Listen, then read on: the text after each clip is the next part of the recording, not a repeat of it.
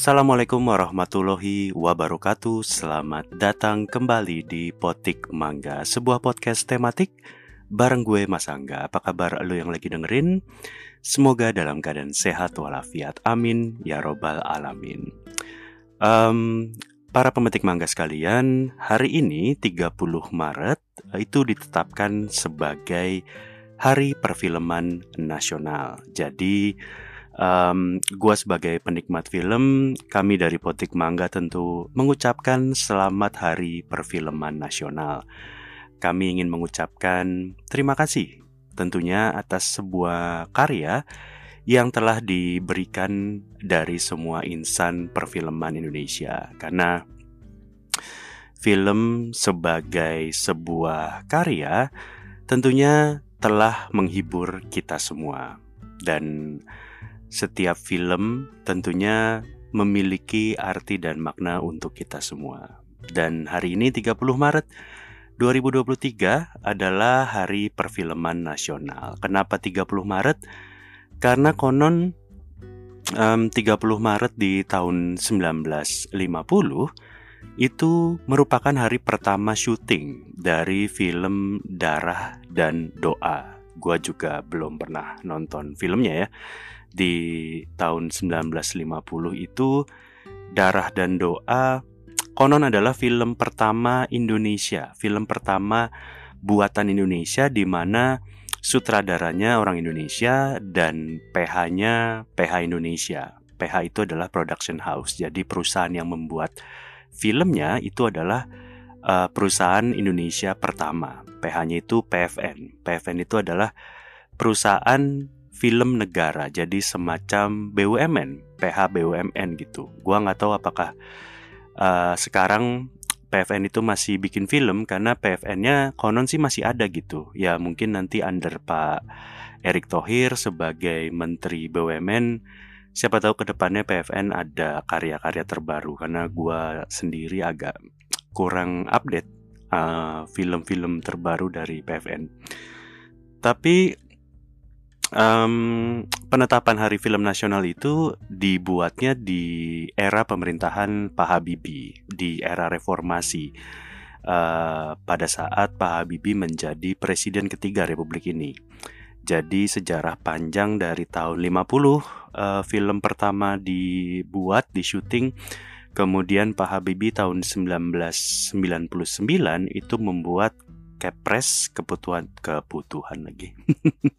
Kepres itu keputusan presiden mengenai Hari Film Nasional. Nah, dari 99 ditetapkan sebagai Hari Film Nasional, kemudian hari ini di tahun 2023 um, bagaimanakah film Indonesia di hari ini di tahun 2023? Karena kalau um, bicara mengenai film Indonesia, gue udah sering mention ini sih kayaknya.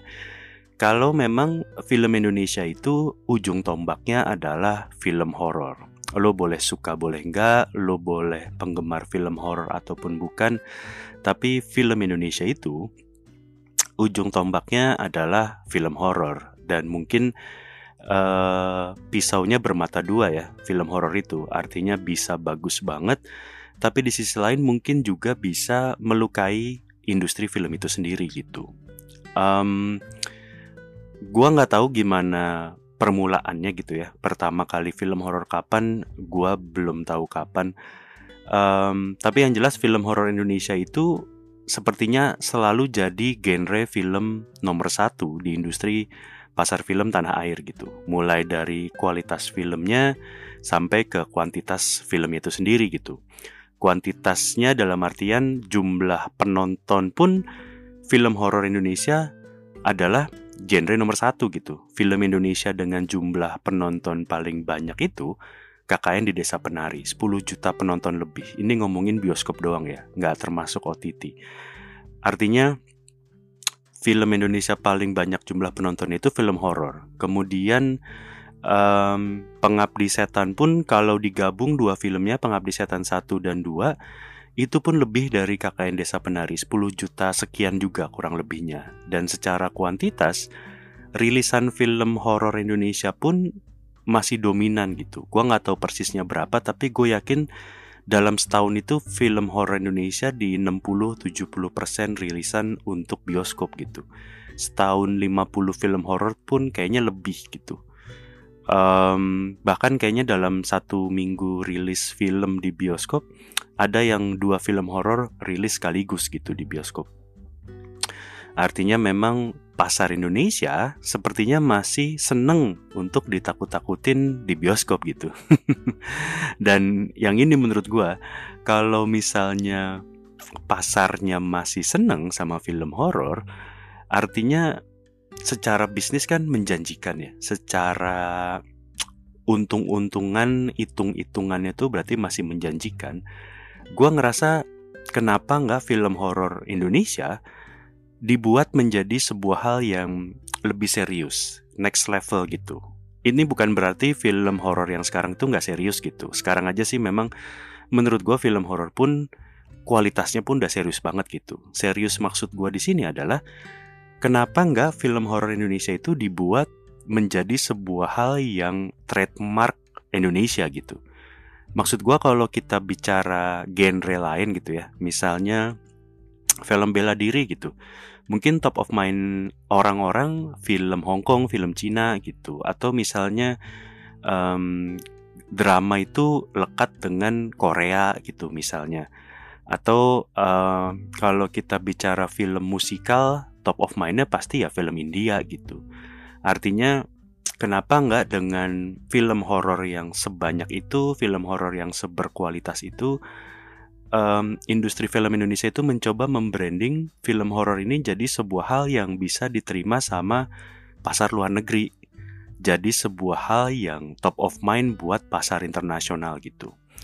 Walaupun memang film-film horor kita memang sudah banyak yang go internasional gitu. Kayak misalnya um, Pengabdi Setan kayaknya udah tayang banyak di tayang di banyak negara lah Ivana atau misalnya um, perempuan tanah jahanam atau misalnya KKN gue nggak tahu sih ada di luar negeri atau enggak tapi intinya sih memang kalau bicara gue internasional film-film kita tuh sebenarnya udah banyak ditonton sama pasar internasional sih. Terutama kayaknya seinget gue yang paling lumayan banyak dibicarakan bahkan sampai sekarang itu yang pastinya The Red yang pertama gitu.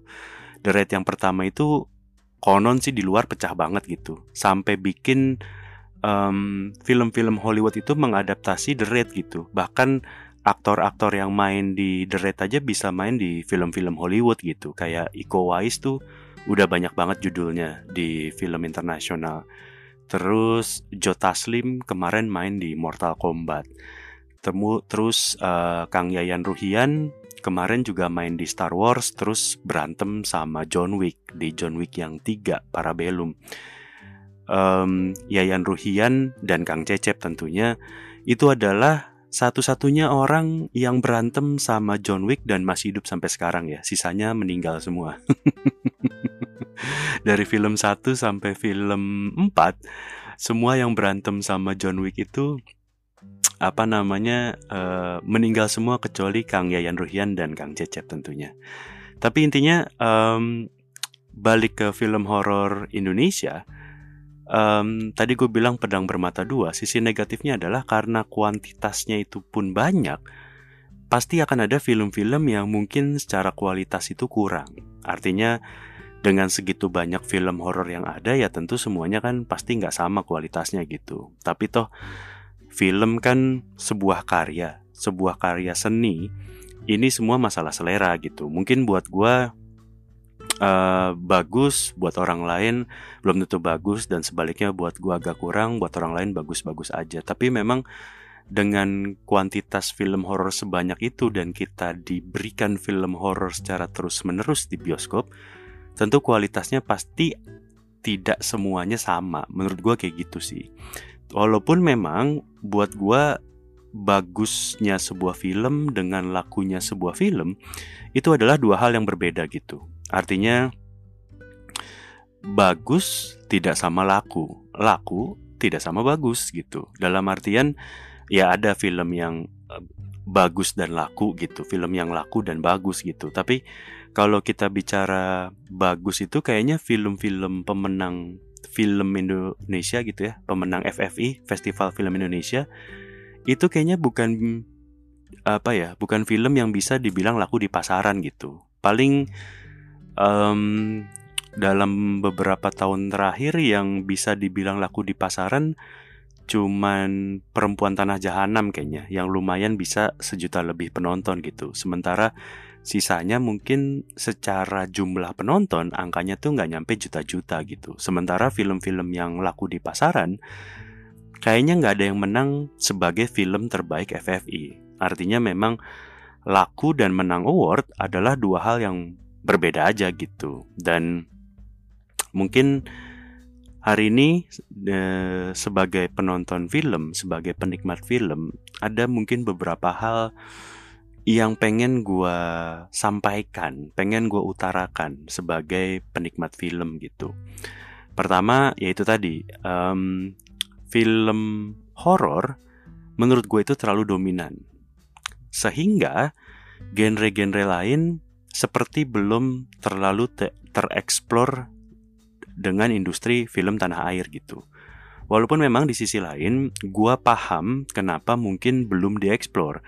Ya karena belum ada hasil secara bisnis, sehingga yang mau modalin tentu males gitu. Siapa yang berani modalin film yang berpotensi nggak balik modal gitu. Makanya film-film Indonesia mungkin masih berkutat di horor, di drama, di komedi ya karena mungkin tiga genre itu yang masih laku di pasaran. Sehingga kalau lo mau bikin film lo modalin sebuah film dengan lo membuat film di tiga genre itu um, hitung-hitungan bisnisnya pun lebih masuk akal gitu. Karena kemarin uh, ada film action apalagi mungkin film superhero itu kayaknya masih jauh dari profit ya karena uh, Gundala aja cuma 1,4 1,6 jutaan gitu Sri Asih bahkan nggak sampai sejuta. Virgo bahkan kayaknya seratus ribuan doang gitu. Gatot Kaca kemarin sempat rilis seratus ribuan. Sepertinya film yang mungkin ada actionnya dan tembus lumayan gede apanya namanya penontonnya itu cuman sayap-sayap patah yang nyampe 2 jutaan penonton.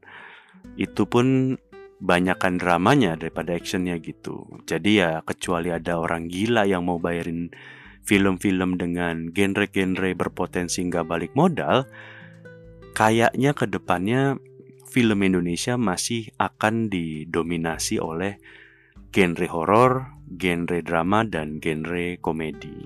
Karena ya bagaimanapun juga film adalah sebuah industri dan industri itu ya tentu butuh duit gitu. Ya coba ya balikin ke lu aja gitu. Kalau lu punya duit tentu lu akan invest ke sesuatu yang lebih menjanjikan ketimbang hal-hal yang mungkin suram gitu. Atau lu akan jualan barang yang menurut lo laku gitu. Masa iya lo nekat jualan barang yang ternyata nggak laku gitu.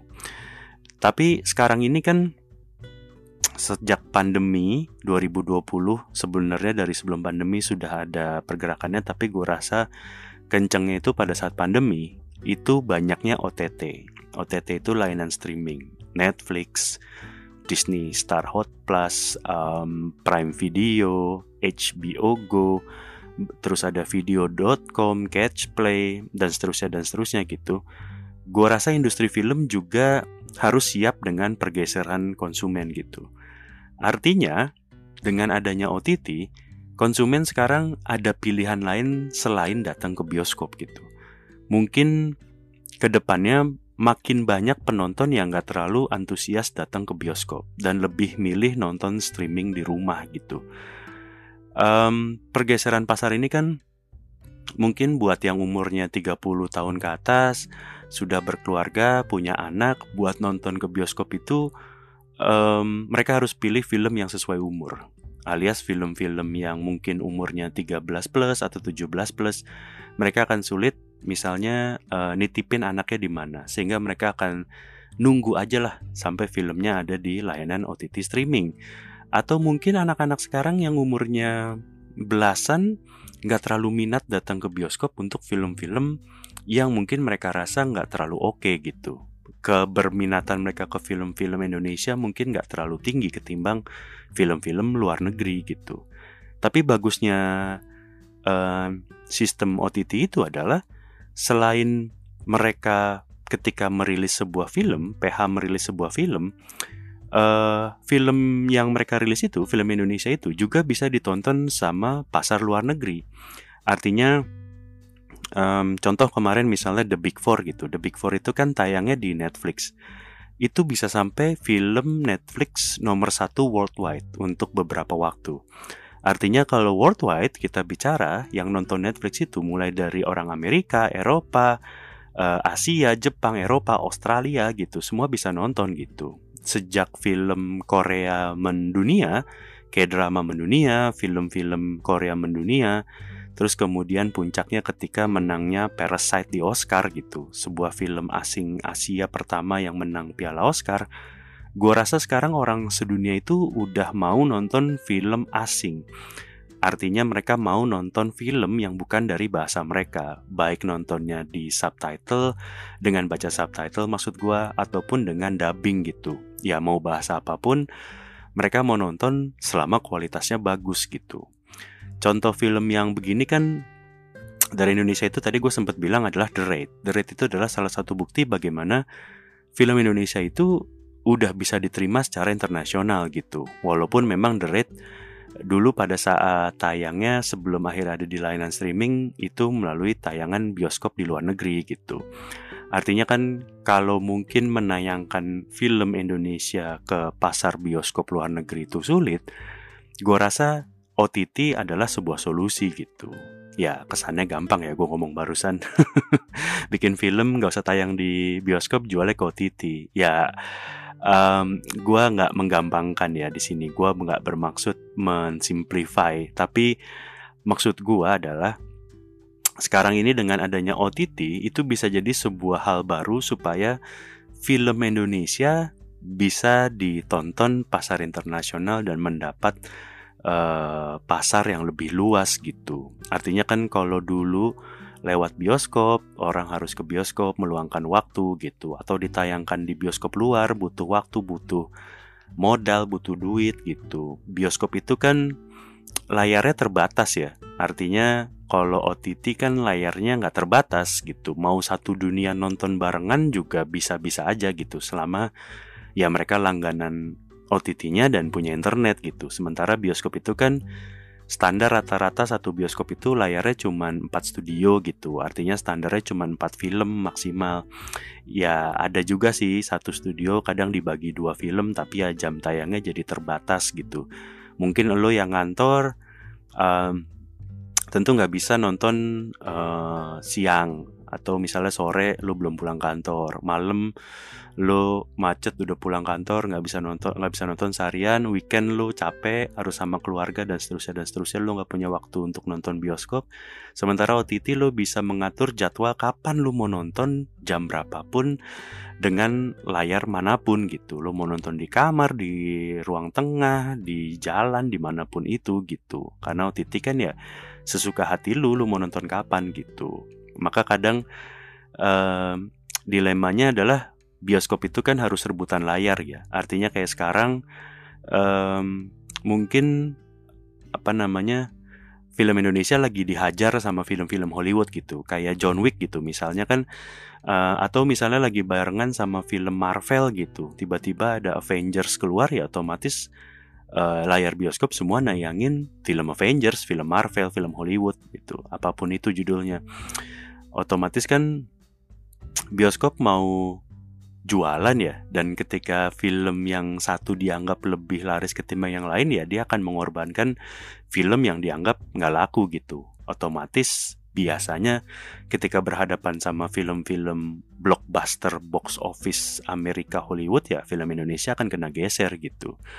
Karena kalau lo bicara industri film ya tentu uh, apa namanya salah satu platformnya adalah bioskop termasuk industri bioskop gitu. Karena lo bayangin harga tiket bioskop itu kan sama ya. Artinya sama-sama misalnya katakanlah 30 ribu gitu. Kalau lo punya duit 30 ribu dan lo mau menonton, ya bisa jadi lu memilih film Hollywood Marvel misalnya atau pilihannya lu pilih film lokal gitu. Harganya sama. Makanya biasanya jarang ada film Indonesia yang berani rilis barengan sama film Hollywood yang udah dijamin box office gitu. Satu-satunya yang berani ngadu sama Marvel, Doctor Strange 2 pada saat itu ya KKN di Desa Penari. Pada saat itu cuman ada dua film, KKN atau Doctor Strange 2 di lebaran tahun lalu ya. Tahun lalu apa dua tahun lalu ya? Tahun lalu kayaknya. Itu dua film itu doang yang tayang dan secara luar biasa KKN itu lebih laku ketimbang Doctor Strange. Sisa filmnya sih kayaknya nggak dapat layar sama sekali ya. Makanya kalau tadi gue sempet bilang ada PH, PFN yang BUMN gitu ya. PH itu kan bikin film. Artinya mungkin bisa jadi BUMN itu uh, pemerintah gitu ya. Bikin BUMN bioskop gitu yang isinya film lokal doang supaya mungkin film-film Indonesia itu bisa dapat jatah tayang lebih lama gitu. Ya karena kan memang bioskop itu adalah industri. Industri itu butuh duit gitu. Kalau ada film yang gak laku di awal, di weekend pertama rilis itu udah penontonnya sepi ya langsung diganti film lain gitu. Karena antriannya banyak. Ya karena layarnya terbatas gitu. Alhasil film-film Indonesia yang mungkin bagus tapi nggak sempet ditonton ya alhasil harus turun layar gitu. Makanya makanya tadi gue bilang alternatifnya adalah OTT sebagai uh, platform untuk menayangkan film-film Indonesia yang berkualitas gitu. Karena gue sih sangat percaya ya, gue punya kepercayaan banget banget gitu bahwa sesungguhnya para filmmaker, para pembuat film, para sineas, para tukang bikin film Indonesia gitu, gue rasa punya kemampuan dan punya kualitas buat film bagus yang ditonton sama orang-orang gitu. Bahkan gak cuman untuk pasar Indonesia, bagusnya bisa jadi untuk film yang ditonton pasar satu dunia gitu. Dan gua rasa memang ini tuh tinggal tunggu waktu gitu ya sampai film Indonesia menjadi sebuah hiburan yang bisa dinikmatin sama orang-orang sedunia gitu. Ya mungkin dalam berapa 5 10 tahun lagi gitu ketika mungkin banyak lulusan film sekolah film maksud gue yang bisa bikin film-film yang lebih bagus dari sekarang. Mungkin nanti OTT-nya makin banyak atau mungkin bisa jadi bukan filmnya tapi individunya yang bisa jadi seseorang di kancah perfilman Indonesia gitu. Bisa jadi misalnya katakanlah Indonesia memiliki sutradara yang menang Oscar di Hollywood katakanlah Timo Cahyanto katakanlah Joko Anwar atau mungkin orang Indonesia yang menang Oscar di Hollywood nanti masih sekolah film, belum lulus, nanti dia baru akan bikin film dan akan jadi seorang sutradara yang menang Oscar gitu. Siapa tahu gitu. Atau mungkin aktor Indonesia menang Oscar, siapa tahu Reza Rahadian udah bosen main film di Indonesia, nggak ada tantangannya lagi. Jadi pindah ke Amerika, macem Panji yang pindah ke New York untuk jadi stand up komedian di New York gitu, siapa tahu. Karena selain Parasite yang kemarin jadi film uh, Asia asing pertama yang menang di Oscar, Oscar kemarin baru aja berapa minggu yang lalu gitu. Pemenang pemeran utama wanita terbaik, aktris terbaik Oscar 2023 itu kan orang Malaysia alias Michelle Yeoh gitu. Siapa tahu aktor kita ada yang bisa menang Oscar gitu. Siapa tahu karena um, kalau secara filmnya mungkin masih belum bisa bersaing, siapa tahu secara individunya bisa bersaing gitu maksud gua. Tapi intinya hari ini 30 Maret 2023 seperti yang ditetapkan oleh almarhum Presiden B.J. Habibie di tahun 99 adalah Hari Film Nasional. Sekali lagi, gua ingin mengucapkan Terima kasih atas semua karya film yang telah dihasilkan oleh para pembuat film Indonesia dan semua orang yang terlibat di dalamnya, dari yang di depan layar sampai yang di belakang layar, sampai yang mendistribusikannya, sampai para bioskop yang menayangkannya, termasuk para karyawan di bioskop ya. Semoga ke depannya industri film secara keseluruhan bisa menghasilkan karya yang lebih keren lagi. Karena kalau untuk industri film menjadi tuan rumah di negeri sendiri sih gue rasa hitungannya udah lumayan jadi tuan rumah lah, terutama untuk film-film horor gitu. Tentunya dengan catatan nggak rilis bareng film-film box office Hollywood seperti Marvel atau John Wick. ya udah, terima kasih uh, sudah mendengarkan Potik Mangga episode kali ini. Sampai jumpa di episode lain. Assalamualaikum warahmatullahi wabarakatuh.